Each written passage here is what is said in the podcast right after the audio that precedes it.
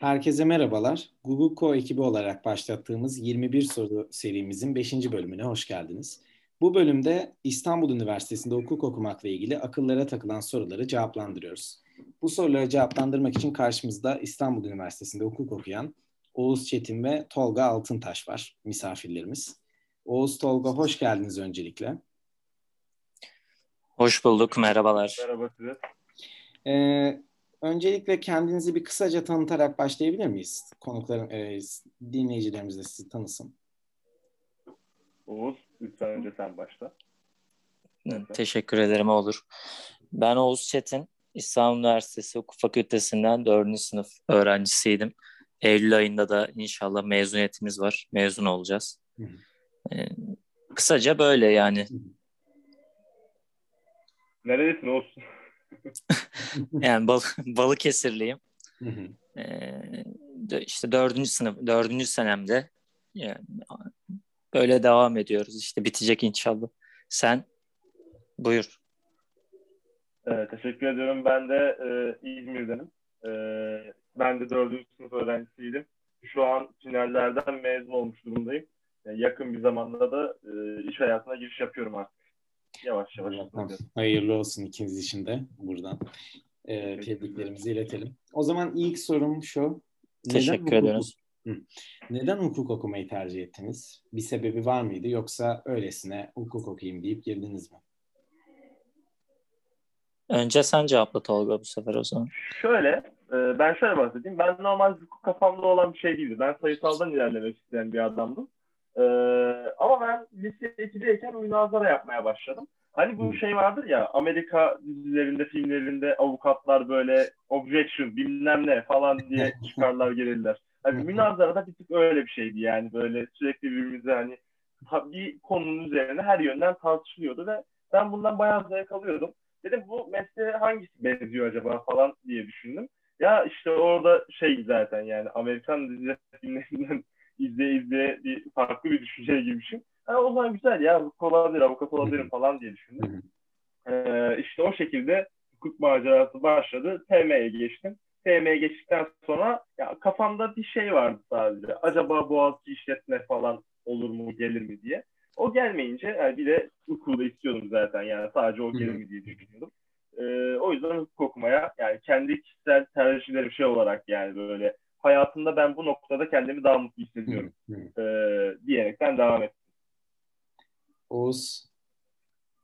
Evet, e, ben de küçüklüğümden beri hukuk düşünüyordum zaten. Yani kendim bildim bileli hep hukuk fakültesinde okumak istedim. Bir hukukçu olmak istedim. Bunun e, en başta benim özgür bir özgür bir yapım var biraz. E, hukuk ve av, özellikle de avukatlık açısından baktığımızda e, biraz daha kendi isteğinize göre yönlendirebiliyorsunuz Hı. iş hayatınızı. Bunun cezbedici bir yanı var. Onun dışında aynı zamanda e, küçüklüğümden beri yine e, etrafta, ortamda olsun yani çevrede olsun bir haksızlık gördüğümde, birinin ezildiğini gördüğümde müdahale etmeden duramıyordum. Hı hı. Yani böyle de bir yapım var. O yüzden adaleti ve hukuku savunma e, yapım mevcut olduğu için bu işi iyi yapabileceğimi de düşündüm. Ve severek de okudum yani. İyi ki de bu bölümü tercih etmişim. Hiçbir zaman da pişman olmadım. Önemli Böyle. olan zaten tercihten bence pişman olmayıp mutlu olmak zaten günün sonunda en önemlisi o. Peki o zaman e, buna takip olarak neden hukuku İstanbul Üniversitesi'nde okumayı tercih ettiniz? Tabii yani Türkiye'nin en köklü üniversitelerinden biri, en eski hukuk fakültesi. Ama e, neden İstanbul, neden diğer okullar değil? Ayrıştıran şey neydi sizin için? Oğuz bu sefer istersen şey yapalım sıra sıra gidelim. Önce ben cevapladım. Aynen. Şimdi sıra sende olsun. Ee, öyleyse başlıyorum ben. Ee, Tolga da ben de şimdi e, ikimizin de şu tartışmaya yönelik bir cevap verebiliriz. Şimdi hangi hukuk fakültesi denildiğinde üst sıralarda öncelikle hep İstanbul Hukuk, Ankara Hukuk tartışması gündeme gelir. Hı hı. Ee, bizim puanlarımız ikisine de yetiyordu hı hı. sıralama yapar yani tercih yaparken. Ee, neden İstanbul Hukuk tercih ettik? İkisinde de çok hani e, terazinin iki kefesine koyup tartma şansımız oldu.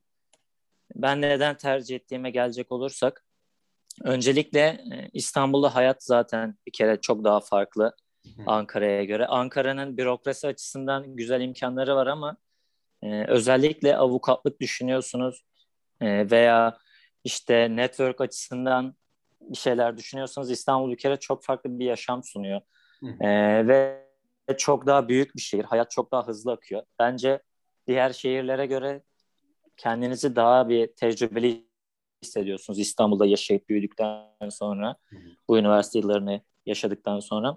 Ondan sonra e, kadro olarak da İstanbul Üniversitesi'ni daha çok beğenmiştim o zaman araştırdığımda. Ve en çok e, yani verme noktasında mesela İstanbul Üniversitesi'ni seçme noktam kime sorsam ya da nereden araştırsam soruların zor olduğuydu. E, ve yorum soruyordu İstanbul Üniversitesi'nde. Yani çok nadirdir. Şu nedir, bu nedir açıklayınız gibi kısa soruların hani ezbere yönelik direkt olacak sorular çok nadirdir. Genelde hep yorum sorarlardı ve e, zor da olduğunu görünce dedim ki kaliteli bir eğitim var demek ki belli bir nebze en azından var diye düşündüm. Hı hı. Ve en önemlisi de bir yorum. Artık günümüzde bence ezberli sistem yerine hayat hızlı değişiyor. Sürekli mevzuat değişiyor görüyoruz.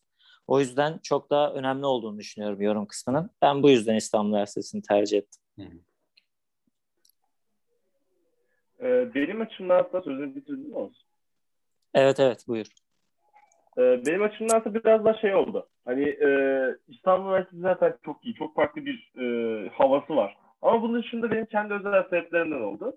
Ben normalde İzmir'de okumayı düşünüyordum. 9 Eylül Fakültesi'nde okumak istiyordum. E, puan biraz daha yüksek gelince e, dediler ki bizim yani işte etrafındaki insanlar niye 9 Eylül'de oku yani İstanbul'da okuman daha iyi olabilir. Senin için daha büyük bir farklılık olur. Ondan sonra e, hadi ben de aslında hala 9 Eylül istiyorum yani İzmir'deyim, İzmir'de yaşayacağım. Gayet güzel bir hayatım var burada zaten niye bozayım bunu diye düşünüyordum. E, sonra işte ben bunun üzerine kafa yorarken bir anda Barolar Birliği şeyi açıkladı. İşte en iyi üniversiteler sıralamasının İstanbul Üniversitesi'nin kadro olarak işte makale olarak en iyi sıralamada olduğunu açıkladı. Birinci olduğunu açıkladı. Hem de bayağı da farklı bir birinci olmuştu. Hı hı. Ben de ona baktım. Biraz İstanbul Üniversitesi'ni araştırdım. Ya ben burada yapar mıyım, yapamaz mıyım? Nasıl olur? E, iyi tamam falan oldum yani o şekilde. Ankara hukuk meselesinde Ankara hukuk Oğuz'un dediği gibi ikimizin de aslında puan yetiyordu. Ama Ankara'nın birkaç tane sorunu var bence. Yani şimdi her üniversite öğrencisinin bence yaşarken o yaşadığı dört senenin kaldı ki biz bunun iki buçuğunu yaşayabildik. O dört senenin geçtiği yerde güzel bir atmosferi olmasını istiyor. Şimdi ben Ankara'da yani İzmir'den geldiğimde çok daha mutsuz olacağımı düşünüyordum. Çünkü işte hani o kötü bir şey ama yani deniz yok burada ya diye bir düşüncem olabilirdi. Ee, o yüzden oranın havası bana daha kötü geliyordu. Ee, oranın biraz biraz daha bana kasvet geliyordu yani Ankara. Ben bunu yaşamak istemedim daha çok. Ee, İstanbul daha büyük bir şehirdi, daha büyük bir metropoldü. Her ulaşabileceğin elinin altındaydı. Hatta yani bir arkadaşımla geçen konuşuyorduk, o da şey diyordu.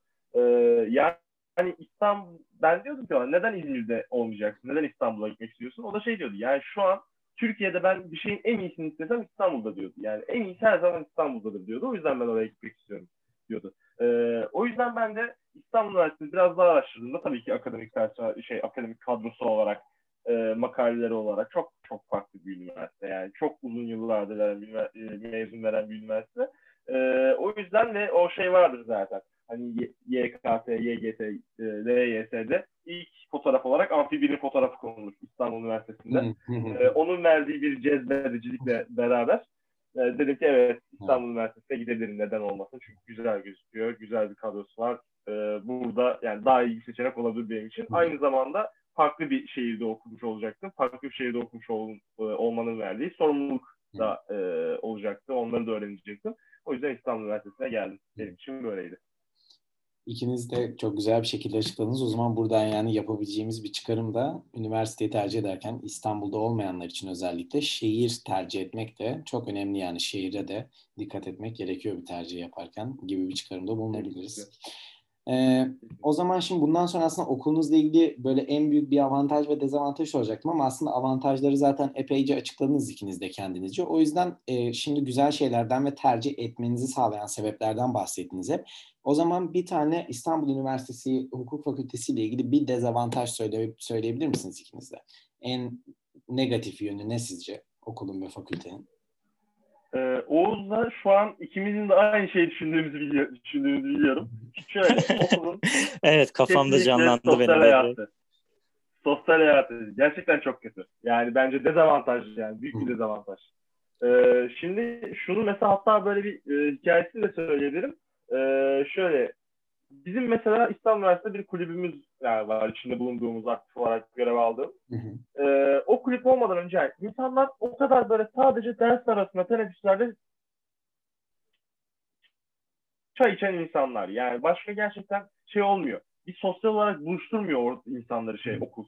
Oradaki bir yetersizlik var. Okulun bürokrasisi her şekilde önünüze şey koymaya çalışıyor. Ya bunu yapmasanız mı? Bunu yapmayalım. Zaten ödenek yok falan. Yani bunu zaten önünüze koyuyor. Ee, bunun dışında insanlar da bir araya gelmiyorlar. Hatta işte bir şey düşündüm ben. Kimse halı saha yapmıyor dedim ya. Ya halı saha yok ya. Halı saha yapan insan yok dedim. O yüzden dedik ya bir halı saha organize edeyim. İşte e, Oğuzlar geldi. Ondan sonra bizim bir grup arkadaşımız geldi. O grup arkadaşımız geldi. Halı sahaya böyle 10'la 10 bir halı saha çıkardık ve 20 kişiyiz orada. O 20 kişiden de yani herkesin bir tane ortak özelliği var. Herkes beni tanıyor ama kimse birbirini tanımıyor. ben herkesi tanışıyorum kimse birbirini tanış, kimse birbiriyle tanışmamış. Ondan sonra işte hadi bir halı saha yapalım. Oradaki arkadaş grubumuza çıktık sonra bir halı saha daha. Sonra bir paintball yapalım dedik. Böyle böyle kaynaşmaya başladıkça zaten e, e, arkadaşlarımız vardı. Onlar da dediler ki Yukatölyes kulübü. E, hani bir, bir kulüp devre alacağız. Hep beraber bir şeyler yapalım dediler. Bu şekilde kulübe taşındık ve kulüpte de daha zaten oradaki insanlar da mezun olduk. Yine konuşuyoruz, yine görüşüyoruz. İzmir'e geliyorlar, misafir ediyoruz. Yani çok şeyimiz var. E, bu şekilde o okulun asosyalliğini bozmaya çalıştık ama okul size kulüp konusunda gerçekten çok büyük bir dezavantaj veriyor. Kulüp konusunu geçtim, e, para konusunda yani bir etkinlik yapacaksanız kesinlikle size toplattırmıyor. E, gibi meselelerden dolayı o, okulun bir sosyal, ya, kompleks olarak da bir şey var yani. E, bir mesela Avcılar Kampüsü çok ayrı bir yerde, Beyazıt Kampüsü çok ayrı bir yerde. Avcılar e, Kampüsü'nde bazı olanaklar var ama Beyazıt Kampüsü'nde yok. Gibi gibi şeylerle sosyal hayat diyebilirim. Uzattım biraz lafı. Ben de aslında bakmayın. buna buna takiben sen aslında buna birazcık girdin. Burada da o zaman Oğuz'a yönelteyim bu soruyu. Okul kulüplerinden ve kulüplerin sosyal hayata etkisinden bahseder misiniz diyecektim. Oğuz sen de biraz hani genel kulüpleri e, istersen biraz anlat. Oradan cevaplandırmış olalım. Olur. Ee, ben biraz zaten Tolga bunlardan bahsetti. Buna kısa tutup kendimce en büyük sorundan bahsetmek istiyorum Tamam. daha sonra. Ee, şimdi bu sosyal hayat konusunda Tolga zaten e, bayağı dolu zaten bu konuda 4 yıldır. O yüzden içini bayağı döktü. Yani tamamıyla katılıyorum. Mesela işte biz etkinlik yapmaya kalktığımızda hani birkaç hoca hariç hiç kimse hani ya bu ne ya ne gerek var böyle şeylere bu çok detaylı. Hani böyle kafaları karışıyor insanların okulda detaylı uzun bir etkinlik görmedikleri için. Yani Hı. ben çok şaşırmıştım. İnsanlar karmaşık etkinlik istemiyor. Basit, günübirlik hemen apar topar göstermelik bir şeyler olacak ki Hı ancak öyle izin almanız rahat olabiliyor. Siz biraz karışık, biraz kalabalık bir etkinlik yapmaya kalktığınızda direkt işler zorlaşmaya başlıyor. Ee, biz mesela kulüp olarak az önce Tolga da bahsetti. Hukuk Atölyesi Kulübü e, yönetim kurulu üyeleriydik. E, madem kulüplerden bahsediyoruz biraz kendi kulübümüzün de tanıtımını yapalım. Yapın yapın. Şimdi e, kulüpler daha çok hukuk fakültesinde zaten en çok bilinen etkinlikleri işte farazi mahkeme oluyor. Genelde bu hemen hemen her kulüpte vardır.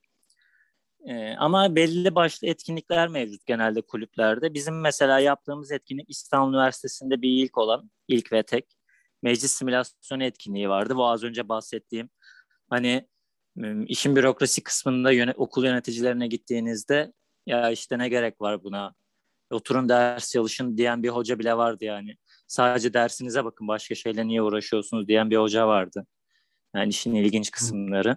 Ama sağ olsun bazı hocalarımız destek oldu ve e, meclis simülasyonu gibi bir etkinliği bir hafta boyunca Türkiye'nin her yerinden 150 öğrenciyi ağırlayarak gerçekleştirmiş olduk. E, kulüpler konusunda da zaten ben lafı uzatmak istemiyorum. İşin bana göre okulun dezavantajlı kısmına geldiğimizde okul çok kalabalık. Yani aşırı kalabalık. Ben hala sınıf arkadaşlarım bile birçoğunu tanımadan mezun oldum.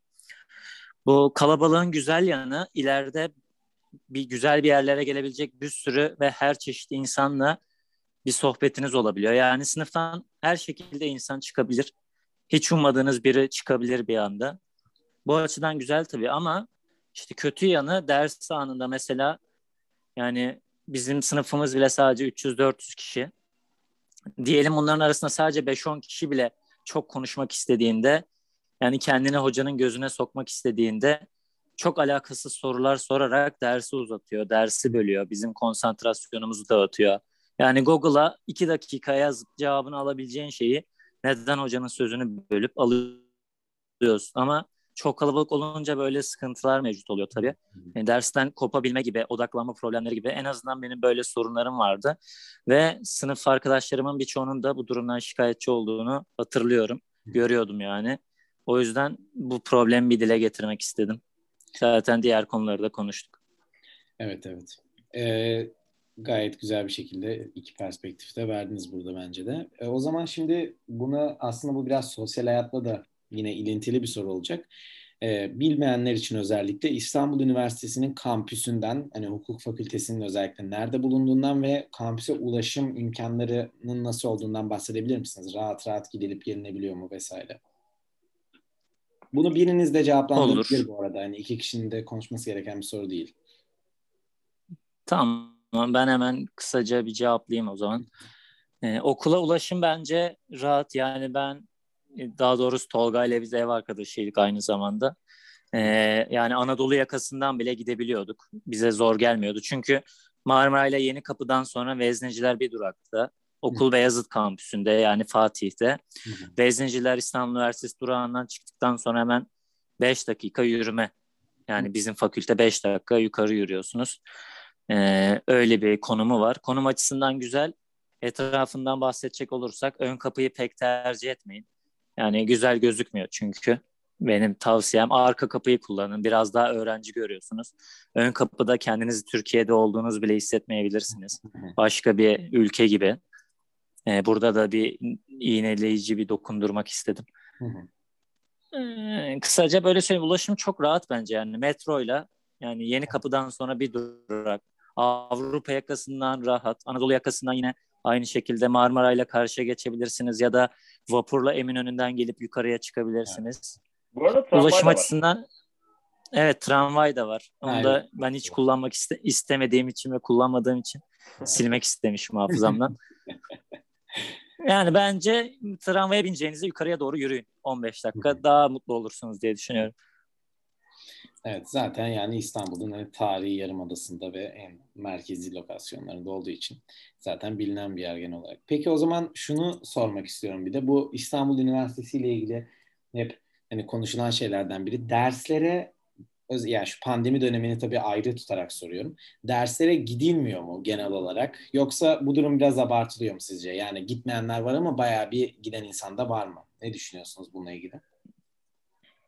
Ee, şöyle, şimdi e, bu dersinden dersine göre değişiyor. Hı hı. Yani mesela bir dersimiz vardı, genel kamu dersiydi. Genel kamu dersine 30 kişi hoca zor topluyordu. Yani hı. 30 kişi, 40 kişi gayet güzel sayılar geliyordu ona. Bu arada sınıfın mevcudu işte 300 yani. 300 evet, kişilik bir çift sınıf var, kürsüsü var. İşte hoca 30 kişi topluyor, iyi diyor. Hani 30-40 kişi, ya iyi tamam bu kalabalık falan dediği dersler var.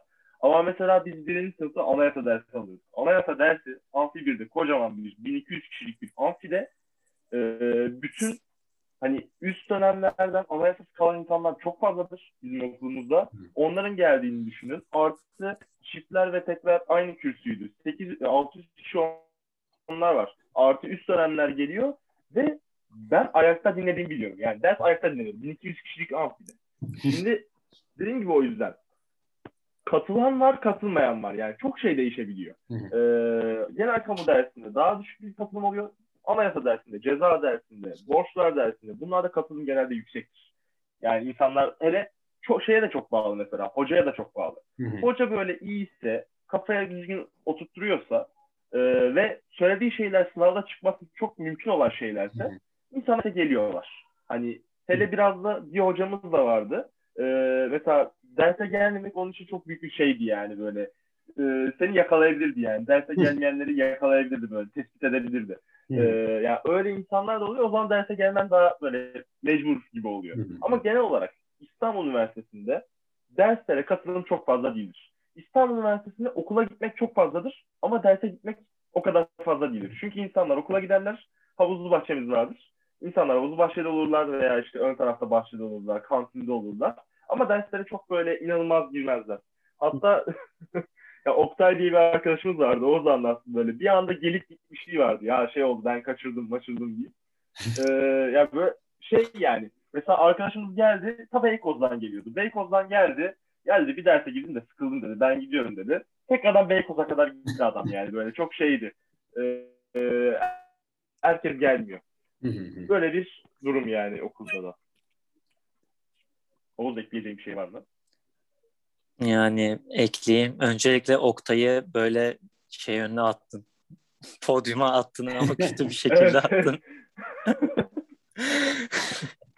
Rambo Oktay'ı harcamış oldum.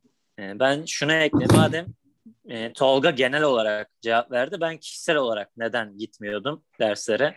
Ben yine aynı noktaya çıkacağım. Ben derse gidiyorum. Sabahın erken saatinde kalkmışım. Hani yol gidiyorsun. Giriyorsun derse. Bazı öğrenciler var. Hoca kadar konuşuyor.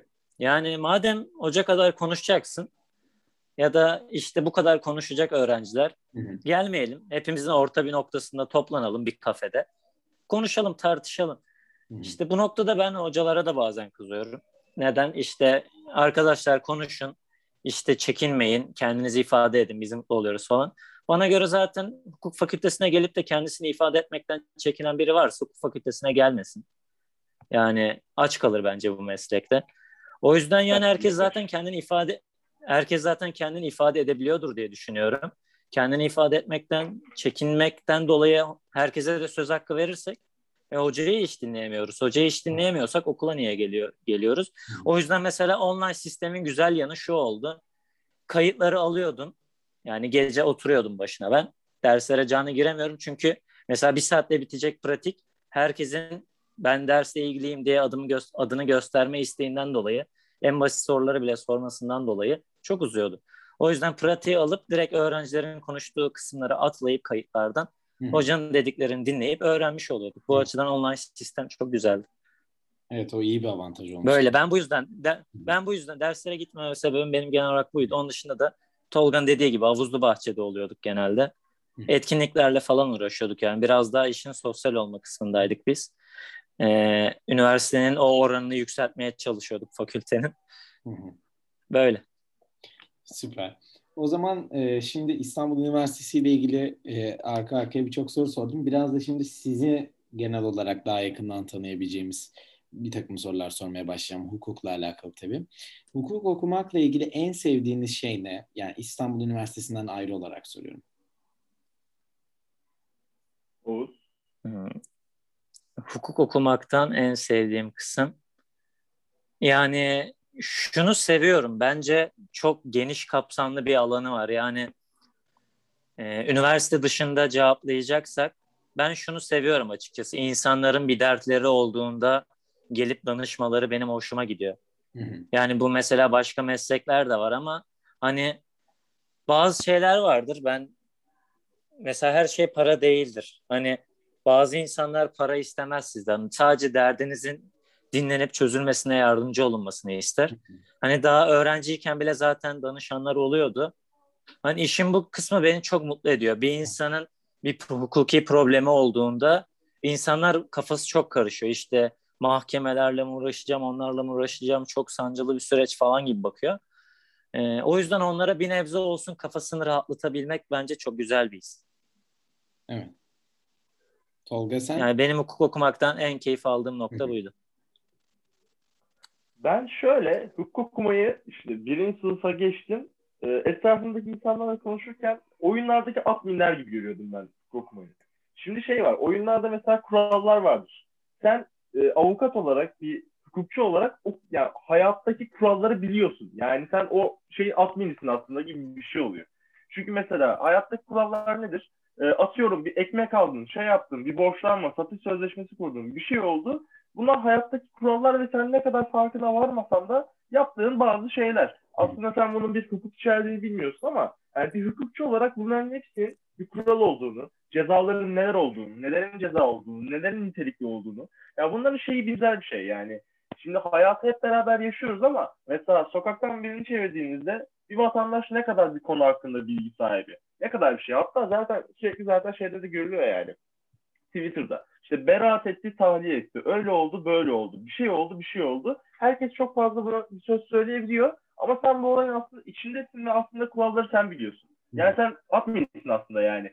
E, hakimlik savcılık hatta bundan fazla bile olabilir yani. Hatta bize karar veriyorsun üzerine. Bunlar bana çok şey geliyor. E, güzel geliyor yani. E, bunun dışında hukuk okumayı ben neden seviyorum? E, mesela ben hukuk okumayı çok zevkli bir şey gör- olarak görüyorum yani konu açısından. Şimdi mesela benim ablamla eniştem ikisi de endüstri mühendisidir. Ve ben onların evlerine gittiğimde işte mühendis olarak şeyler konuşulur yani evde böyle. İşte iş nasıl oldu, öyle mi oldu? Bir şeyler söylerler. Ben pek anlamam böyle bilgisayar programlarını söylerler. Hukuk biraz daha öyle değildir. Hukuk yani hayatın içindedir ve konuşacağın konu her zaman o hayatın içinden olan konular olacaktır. E, bu da bana daha şey geliyor yani. Konuşacak konular, şeyler çok daha güzel ve hani e, konuşulabilir şeyler geliyor. O yüzden bunu sevdiğim yanları bunlar. Süper. Gayet güzel söylediniz ikiniz de bence. Peki o zaman şimdi ikiniz de söylediğiniz gibi okulu bitirmek üzeresiniz şu anda.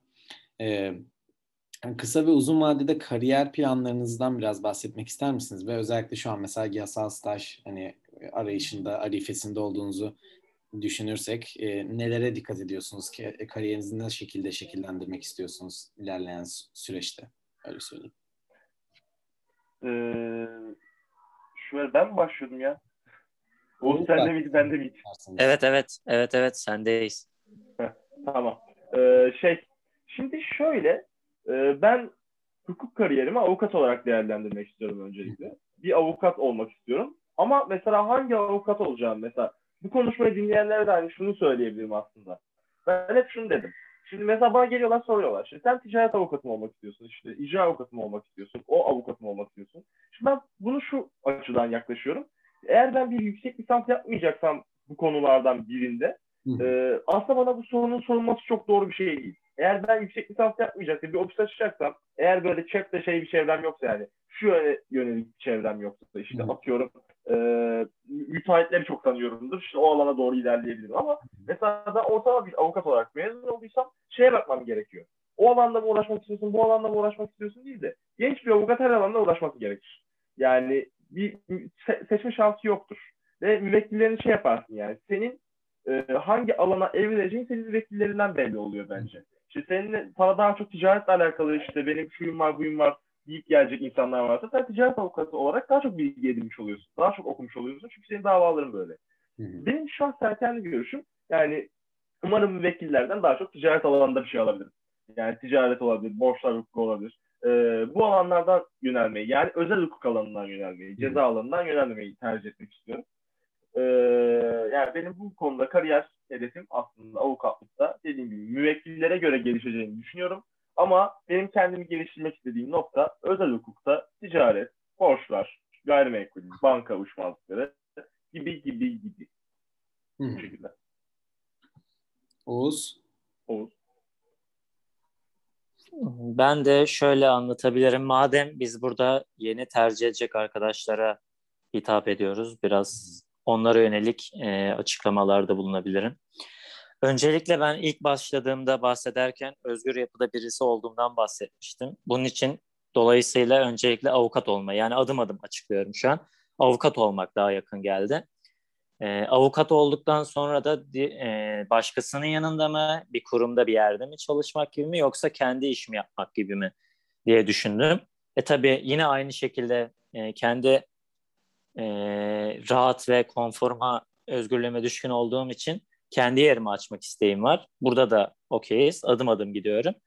Peki e, ben nerede kendi işimi daha rahat yapabilirim? E, şimdi 50 yıldır e, Balıkesir merkezde olan bir aileyiz biz. E, işte ailemin e, yaptığı işler var, çevre var.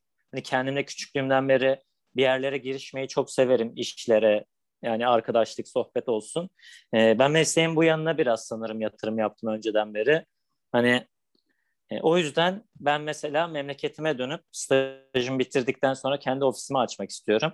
İşte bunu da nasıl ulaştım adım adım böyle karar vermiştim. Ama mesela İstanbul'da niye açmadım diyecek olursanız e, buraya okumaya geldim. Burada akrabam, çevrem, eşim, dostum yok. Bunun oluşması için uzun yıllar bir yerde çalışmam lazım. E, ben uzun yıllarda bir yerde çalışmak istemiyorum. Olabildiğince erken kendi işimi yapmak istiyorum. O yüzden e, bir iki sene içerisinde stajımı İstanbul'da yapacağım. Onu neden İstanbul tercih ettim de Balıkesir'e direkt gitmiyorum derseniz İstanbul'da hayat biraz daha hızlı aktığı için staj dönemimde işleri olabildiğince pratik, hızlı şekilde öğrenip e, Balıkesir'e o şekilde dönmek istiyorum. Bir de İstanbul'daki işler biraz daha büyük çaplı işler. Hani vizyonu kapıp Balıkesir'e götürmek istiyorum. O yüzden stajımı burada yapacağım. Staj yapma yerimi de seçerken neye dikkat ettim? Ee, uzun yıllar çalışmayı düşünüp size işi ağır ağır öğreten büyük bir kurumsal yer değil. Biraz daha e, hani işi hızlı bir şekilde direkt hukuki kısımları size hızlıca aktaracak bir yer arıyordum ben ve ona yönelik de e, bir iki yer bulduğumu düşünüyorum. Hala tam seçemedim, karar veremedim. Eylül'ün üçüncü haftası gibi başlayacağım ben de. Yani sürecim böyleydi benim.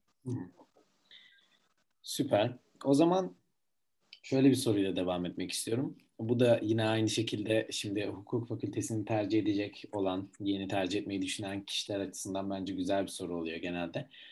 E, hukuka başlamadan önce yani fakülteye başlamadan önce keşke şunu bilseydim dediğiniz böyle bir şey oldu mu? Daha sonrasında bu dört yılı geçirdikten sonra bunu bilseydim hayatım daha kolay olurdu. Bu dört yıl daha kolay geçirirdim gibi bir düşünceye vardığınız bir nokta oldu mu? Yani benim hiç olmadı. Açıkçası yani keşke ama şey söylüyordum. Biz mesela birinci sınıfta çok fazla gezerdik. Ee, yani daha sonrasında biraz daha işin etkinlik kısımlarına giriştik ama bunu mesela daha erken yapsaydık keşke. Birinci sınıfta biraz daha İstanbul'u gezelim düşüncesindeydik. Bunu belki daha erkene alabilirdik. Tolga sen? Senin... Ya Oğuz dediği gibi kesinlikle yani ders illaki öğreniyorsunuz. Ders illaki sınava giriyorsunuz. Sınavı illaki geçiyorsunuz. Yani 7 sene oluyor, 4 sene oluyor, 5 sene oluyor ama bunlar bitiyor. Ama önemli olan bu noktada sosyal ortam. Yani birinci sınıftan itibaren o sosyalliği kurun. O sosyalliği yaşayın. O sosyalliğin içinde bulunun. Bir şeyler organize edin, bir şeyler yapın. Yani bu bence çok daha önemli. Size e, hayatınızın her alanında yani dersi her yerden okuyup öğrenebiliyorsunuz ama e, üniversitedeki o sosyallik yaşamını üniversiteden sonra veya e, üniversite devam ederken kurmak çok daha önemli olduğunu fark ediyorsunuz. Bu sosyalliğin dışında e, benim şeyi düşünüyordum ben ya. Yani birinci sınıfta falan şimdi şöyle bir şey var. Ben birinci sınıftan sonra kitap almayı bıraktım. Yani kitaplar çok pahalı. Gerçekten çok pahalı benim çalışma stilim hep şey oldu. Yani e, ben kanunları aldım, sınavlara yönelik çalıştım. İşte ders notları vardı, ders notlarını aldım, ders notları göre sınavlara göre çalıştım. Yani bu benim için biraz daha pratik bir şeydi. Hı hı. Şimdi eğer e, yani kanun kitapları ben alsam mı diye keşke demiyorum ama biraz daha ya en azından bir iki tane alabilmişim yani. Hı. Önemli şeyleri bir iki tanesini alabilmişim. Öyle düşünüyorum. Şimdi ben hiçbirini almadım birinci sınıftan sonra. E, çünkü sınav odaklı olmak daha kolay geliyor insana. Belki bir iki tane daha kitap alınabilirdi ve hani o alanda mesela gelişmek istediğiniz alan oysa onun üzerine daha çok okuma yapılabilirdi. Ama mesela bütün kitapları alıp o bütün kitapları çalışıp sınava girmek gerçekten yapabileceğiniz en imkansız şey. E, yapanlara ben saygı duyuyorum. Yapanlar var. Hatta bunu üç kitapla yapanlar var. Yani sadece bir dersten bir kitap okumuyorlar. Üç tane kitap okuyorlar. Ben gerçekten şey yapıyorum. Tebrik ediyorum o insanları. Ee, ama ben mesela önemli derslerden bir iki tane daha kitap alıp o konuda daha çok bilgi edinmeyi tercih edebilirim. Bununla ilgili zaten bir soru soracaktım aslında ama sen bunu gayet cevaplandırmış oldun. O zaman onu aradan çıkarmak için şu an Oğuz'a da yönelik sorayım. Oğuz sen e, kitaplardan mı çalışmayı tercih ediyorsun yoksa sen de işte pratik çalışma mı, not mu? Yani bu işin formülü sence ne? Hangisi en öğretici ve etkili oluyor? Oğuz'un Oğuz'un formülü e-aba. Oğuz'un formülü e ee, ben hep şöyle düşünüyorum. Tolga'nın da zaten direkt aklına gelmiş. Bir şey yaparken en az eforla en verimli nasıl sağlayabilirim diye hep, hep buna bakmışımdır. Yani. Herkesin hedefi bu. Yani at, Hatta en az eforla en çok verimi nasıl sağlayabilirim diye bu kadar çok düşüneceğime belki derslere de daha çok çalışabilirdim. ee, ama genel olarak baktığımızda yani zaten Tolga ile biz dediğim gibi ev arkadaşı olduğumuz için e, aynı metotla ilerliyorduk. Genelde birlikte çalışıyorduk gidip zaten. Hani kanunu alıp maddeleri önem sırasına göre hocaların tekrar etme sırasına göre yazıp işte şu hoca şuna çok değinmiş bu üç yıldız, iki yıldız, bir yıldız diye böyle sıralardık. Bir de işte çıkmış sorulara bakardık. Tolga'nın dediği gibi kitaplar çok pahalı olduğu için maalesef çok fazla kitap alamadık. Hı hı. Bu böyle bir şey vardı ama mesela kanunlardan çalışmanın çok fazla faydasını gördük.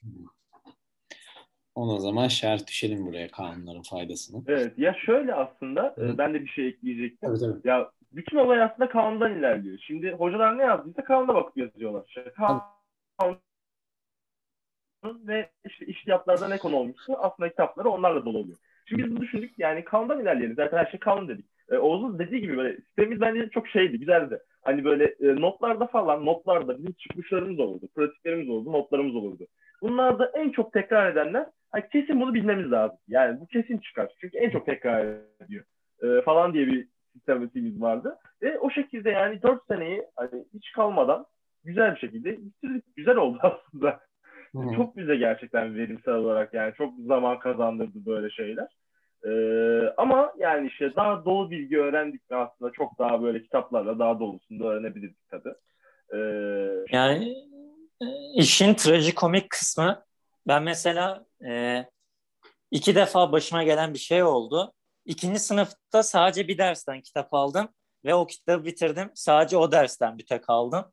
Dördüncü sınıfta da dördüncü sınıfta da sadece bir derse inanılmaz derecede çok çalışıp not, not çıkardım. Yani direkt dersleri dinleyip not çıkardığım çok ders yoktur benim. Yani olan notlardan ya da çıkmış sorulardan kanundan bakarım.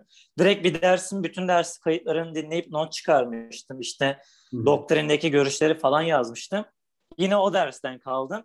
O yüzden her zaman felsefemiz şu en az eforla en verimli çalışmak. fazla efor gösterince fazla efor gösterince bir sıkıntı çıkıyor. Ters tepiyor herhalde aynen. İyi, güzel. Ee, o zaman şimdi bir de şöyle bir soru. Klasik bir ikili ayrımda. Aslında biraz şu ana kadar söyle yani söylediğiniz diğer sorulara yanıtlarınızdan cevap biraz belli oldu ama yine de nedeniyle birlikte kamu hukuku mu, özel hukuk mu? Eğer özel diyorsanız neden kamu değil? Neden daha seviyorsunuz veya o alanda ilerlemeyi düşünmüyorsunuz? Ee, şöyle ben şöyle cevap vereyim. Zaten az önce söylediğim gibi özel hukuku tercih ediyorum. Neden kamu hukukunu tercih etmem? Şimdi kamu hukukunun içine neler giriyor? Mesela idare uyuşmazlıklara girebilir, özelliği olmayan. Yani kişilerin idare uyuşmazlıkları olmayan idare uyuşmazlıkları olabilir. Ee, onun dışında ceza hukuku direkt bir kamudur. Yani şimdi ceza hukukundan örnek verebilirim direkt yani ceza hukukuna göre yapabilirim. Hı hı.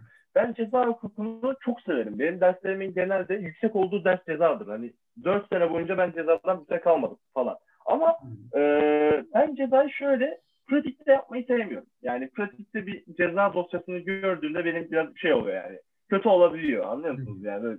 canım sıkılıyor yani. Özel hukuk bana daha şey hani canından gideceğine malından gitsin mantığıdır bence özel hukuk. Yani mal, mal konusunu konuşuyoruz yani özel hukukta. Şimdi ceza hukuku bana daha bir şey geliyor. Ee, arkadaşlarım da bana çok şey derler. Ya sen de duygusal adamsın falan ya derler. O da bunları söyleyenlerden biridir. Bana ceza hukuku deyince böyle daha şey oluyorum işte. Tadım biraz daha kaçıyor. O yüzden özel tercih ediyorum. Oğuz? Yani tabii ki farklı bakış açıları. Mesela Tolga dedi ki işte ceza dosyasını görünce benim bir tadım kaçıyor, moralim bozuluyor dedi. Hı hı. Ben de mesela ceza dosyası okurken keyif alıyorum. Heyecanlanıyorum. Mesela bir dizi izlermiş gibi oluyor. Çünkü aksiyon var. O olay nereye Allah. gidecek acaba falan gibi. Hani Müge Anlı olayları gibi olduğu için bir heyecan oluyor. O yüzden oha bunu da mı yapmışlar yok artık bu ne biçim olay falan dediğin gibi böyle sayfaları çevirdikçe heyecanlanıyorsun olayları takip etmekte. O yüzden ben mesela cezayı severim. E, kamu mu özel mi dersek ben Tolga kadar net ayrım yapamıyorum. Çünkü kamuda da idareyi falan seviyorum. Yani cezayı da seviyorum. Özelde de finans ve ekonomiye ilgim var. İşte yani ticaret hukuku olsun, işte e, yani rekabet hukuku, sermaye piyasası hukuku bu alanlara ilgim var.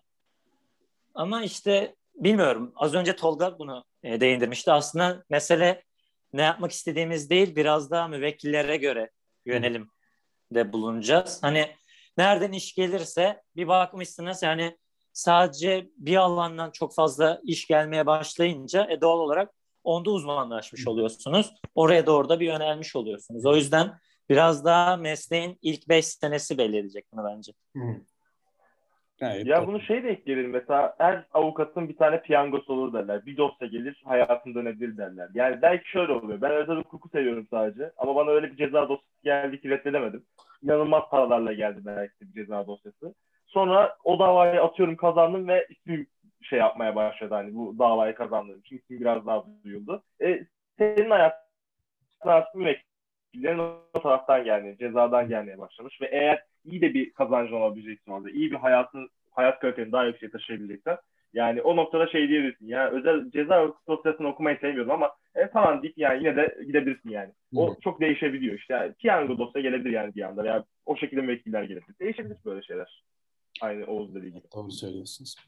Ee, peki o zaman bir de şöyle bir soru da soru, sormak istiyorum sizlere. Şimdi İstanbul Üniversitesi genel olarak hakim savcı olmak isteyenlerin de e, oldukça yoğun oldu bir yer. Her ne kadar hani mut, mutlaka daha fazla avukat olan çıkıyordur gün sonunda ama hani okullar arasında en popüler e, hakim ve savcı olmak isteyenlerin bulunduğu yerlerden biri. Siz şu ana kadar sorulara verdiğiniz yanıtlar doğrultusunda avukat olmak istediğinizi zaten net bir şekilde belirttiniz. Hakim veya savcı olmayı düşündünüz mü? Düşündüyseniz neden bu yola gitmemeyi tercih ettiniz? Ben mi başlayayım? Ben yani bu biraz da sanırım işin karakteristik boyutuyla alakalı. Hani işte öncelikle şunu söylemek istiyorum. Ben daha önce de çok dile getirmiştim bunu. Hakimlik, savcılık şey e, avukatlık hakim savcı olamayınca yapılabilen bir meslek değildir. Hepsi e, eşit konumdadırlar ve e, işin hukuki sürecinin farklı boyutları ve taraflarıdır. Bunların üçü aslında bu hukuki süreci tamamlar. Yani o yüzden halkımızda şöyle bir algı var işte hakim savcı olmaya e, işte bilgisi yetmedi, sınavı başaramadı falan ondan avukat kaldı Hı. Hani şey gibi oluyor. Yükselemedi. Evet. Sizde yükselme falan yok mu diye ben bir kere şunu duydum hatırlıyorum yani. İşte hakim savcı olmayı düşünmüyor musun? Yükselmek yok mu sizde falan dedi. Hani önce bunu bir düzeltelim. Ee, sonra ise ben mesela neden avukat olmak istediğimi söylemiştim. Hani biraz daha özgür ruhlu ve kendim planladığım şeyleri yapmayı seven birisi olduğum için avukat olmayı tercih ediyorum. Ondan sonra e, biraz daha memleketine bağlı bir insanım. Hani bulunduğum yerlere e, ait olduğum şeylere ve sahip olduğum şeylere bağlı olmayı seven birisiyim. O yüzden mesela memleketime dönüp çalışmak istiyorum. E, hakim savcı olduğunuzda biraz da dolanıyorsunuz. Pek bana yatkın olan bir şey değil. E, yani kısacası ben bu yüzden düşünmüyordum. Ben Oğuz'un dediklerine aynen katılıyorum. Yani e, bu tamamen kişilik meselesi aslında avukatlık hakimlik savcılık. Ee, şimdi şöyle ben de aynı şekilde hani bir yere giderken yani şimdi şöyle ben İzmir'de yaşıyorum. İstanbul'da örneğin gördüm. Mesela Oğuz ve diğer arkadaşlarımın hepsi staja İstanbul'a devam istediler. Ben dedim ki İzmir'e döneceğim. Ben stajımı İzmir'de yapacağım. Şimdi benim e, bu dünyada şunu yapmam biraz benim için mutsuzluk verici geliyor. Yani hakim ve savcı olup İzmir dışında bir yerde yaşamış olmak, yaşayacak olmak veya işte oradan oraya gitmek. Yani bunlar benim için hani bir, bir risk olarak görüyorum bunları. O yüzden bu benim yaşam e, şeyim, standardım. Daha, daha kötü hisset, hissettirecekmiş gibi düşünüyorum. Şimdi o yüzden şeyi düşünemiyorum. Hakimlik, savcılık mı, avukatlık mı? Avukatlık daha senin özgürlüğün. Sen nerede avukat olmak istersen orada avukatsın. Hı hı. O yüzden dolayı ben avukatlığı daha e, hakimlik ve savcılığa göre tercih ederim. Hı hı. E, hakimlik ve savcılık aynı zamanda şeydir, bürokrasinin çok içindedir. Yani ne kadar yürütme, yargı ve yasama birbirinden ayrıdır ama yargının içinde e, yargı mensuplarının hepsi bürokrasiyle çok içi dışı olmak zorundadır. Yani sürekli bürokra, bürokratlarla görüşmek zorundadır. E, bu minvalde ben şey olmak istemiyorum. Yani bu kadar böyle bürokrasinin şeyine e, girmek yerine daha bir dışarıda kalıp daha bir yani ben kendi başıma işte işlerimi yapayım, halledeyim modunda yani o kadar şeyim olmasın modundayım biraz daha. Bu yüzden. yani genelde biraz daha avukatlık bence kişinin kendi hayatında özgür biraz daha özgür yaşamak istiyorsa, biraz daha ben şurada şunu yapmak istiyorum, burada bunu yapmak istiyorum diyorsa ya o daha iyi bir, o daha oturacak bir meslektir. Öyle. Süper. Ee, tamam. O zaman şimdi bunu da son, geride bıraktıktan sonra bu soruyu şimdi artık son kısma geliyoruz. Son birkaç tane soru kaldı. Şimdi iki tane soru soracağım. Bunlarda sizden kısa ve yani tek bir cevap istiyorum. Bir, bir şey söyleyebiliyorsunuz yani yalnızca bunu, bu soruya yanıt olarak. Birincisi şu. En sevdiğiniz hukuk dersi hangisi? Kaldım bir saniye. Oğuz'a istiyorsun. Oğuz senin varsa hemen söyle. Hemen ben kaldım. Ben valla benim de tek bir tane söyleyebileceğim bir şey yok. Yani tek cevap istiyorsan çok zor. Tamam, Mesela şöyle olabilir. Müsaade ee, edelim o zaman bir seferlik. tamam. Mesela çalışması en zevkli olan bence milletler genelde neden siyasi olaylar falan var. Ben bu yüzden seviyordum. Hani ve uluslararası hani mesela Instagram'da falan da siyasi haberleri takip etmeyi çok severim. O biraz da hukukilikten çıkıp şey kısmına da giriyor. Hani siyaset bilimine falan da giren bir dal. Mesela çalışması zevkliydi. Ee, ders açısından. Onun dışında ama e, idareyi ve cezayı da çalışmayı severim. Dediğim gibi ceza zaten heyecanlı geliyor bana. Hı hı. E, idarede biraz daha çalışma ihtimalimin yüksek olduğu bir alan ve e, hani başarılı olduğum bir alanda. O yüzden idarede olabilir benim için. Tolga? Ben buldum ya. Ben ya bir şey hatta açık aramış yani. Derslerimi hatırlayamadım diye. Medeni usul abi. Gerçekten medeni usul. Medeni usul çok zevkli bir derstir bence. Usul hukuku. Böyle açıktır, nettir. Kanun böyle o kadar okunaklı ve su gibi akar ki yani. Hı-hı. Okurken dersin çok tatlı bir ders yani bu ders. Akıyordur çünkü. Mesela bazı dersler vardır akmaz. O yüzden medeni usul. Hı hı. Enteresan. Mesela bu soruya ilk kez medeni usul hukuku cevabını, yanıtını almış olduk. Evet. bu da bir ilk. Ee, peki o zaman şimdi burada en sevdiğiniz ve işte çalışmaktan keyif aldığınızdan hemen böyle keskin bir dönüş yaparak en sevmediğiniz, en böyle nefret ettiğiniz hukuk dersi hangisi? Ya benim idare dersleri ya. Yani idari yargılama, idari hukuku. Yani idare. idare de bu arada bu, bu soruya verilen en popüler yanıtlardan biri. Genelde şöyle her her bölümde idare diyorlar. Ben diyorum ki evet gerçekten herkes de idare hukuku diyor. Ama gerçi Oğuz tersini yaptı.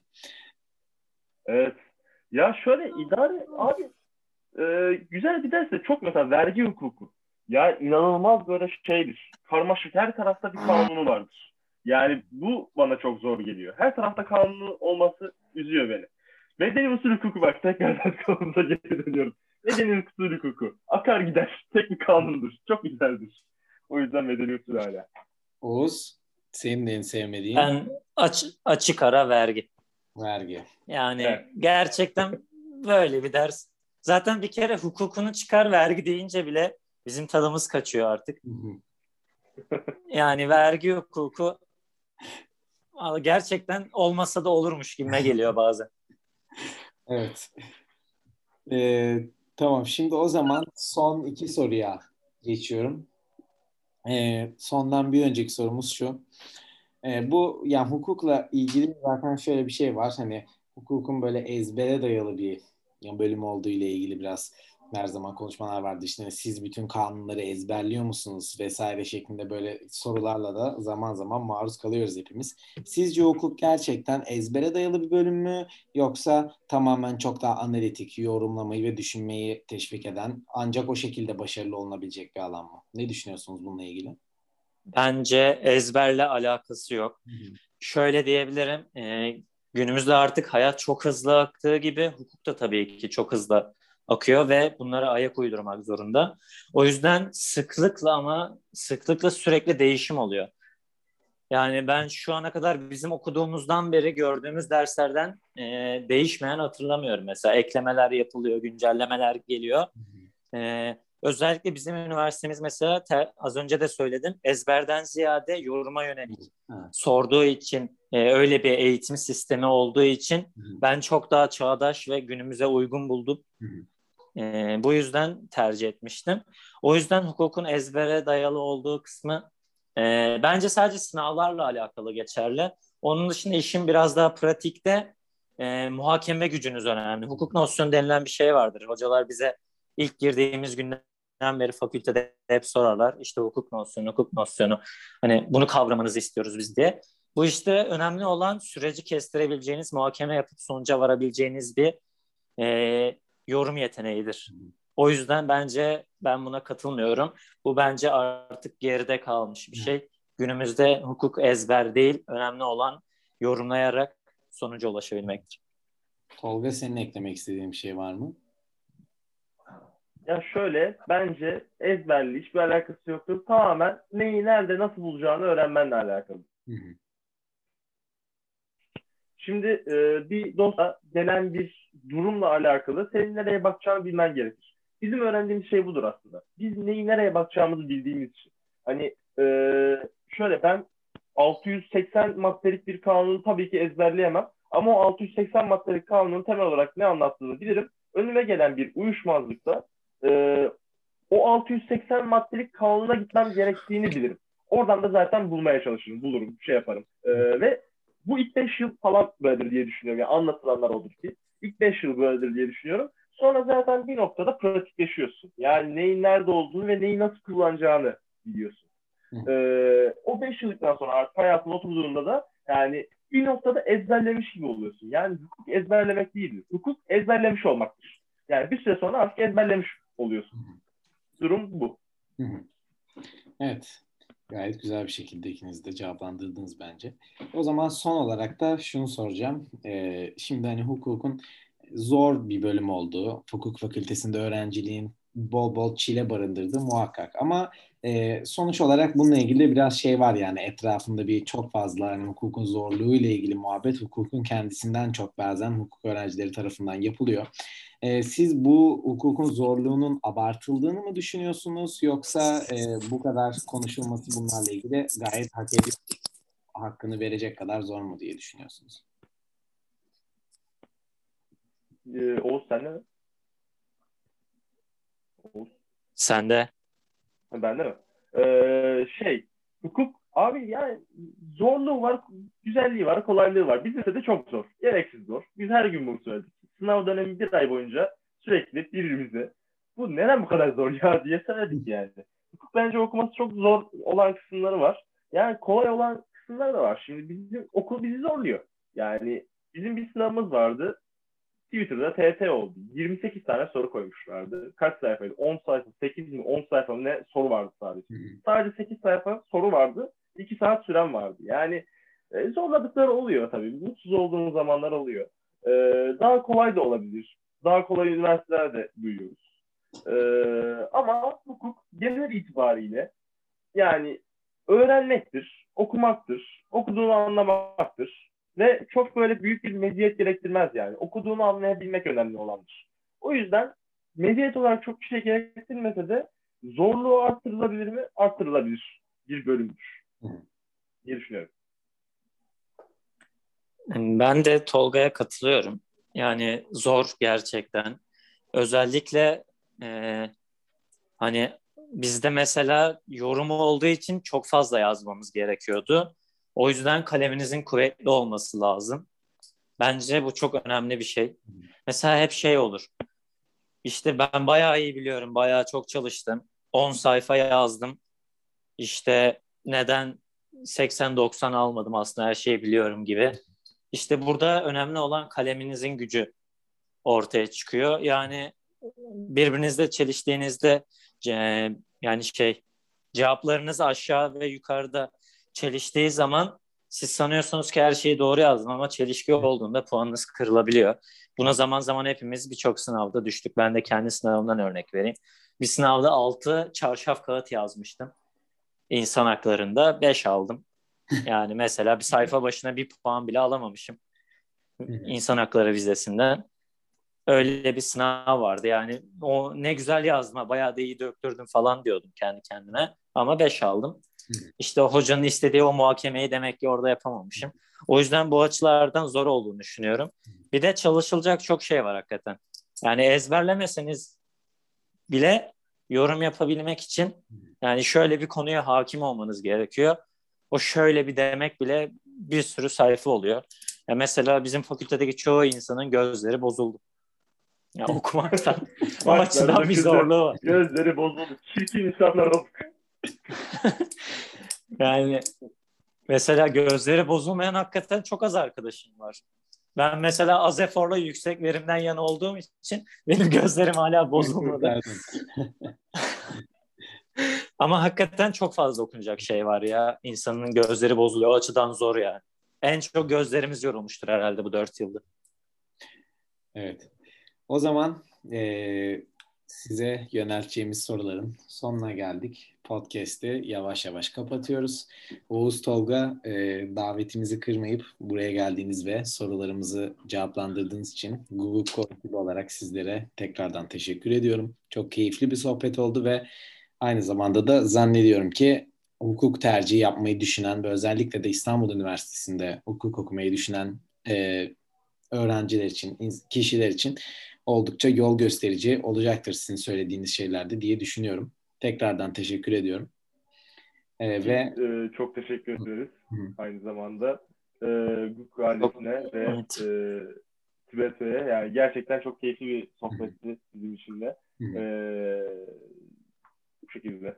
Bu vesileyle de son olarak dinleyicilerimize de teşekkür ederim. Bizi dinlediğiniz için teşekkürler ve herkese. Ben de ben de çok teşekkür ederim diyecektim. Kendinize iyi bakın. Çok memnun oldum. Güzel bir sohbetti. Tekrar görüşmek dileğiyle. Umuyoruz.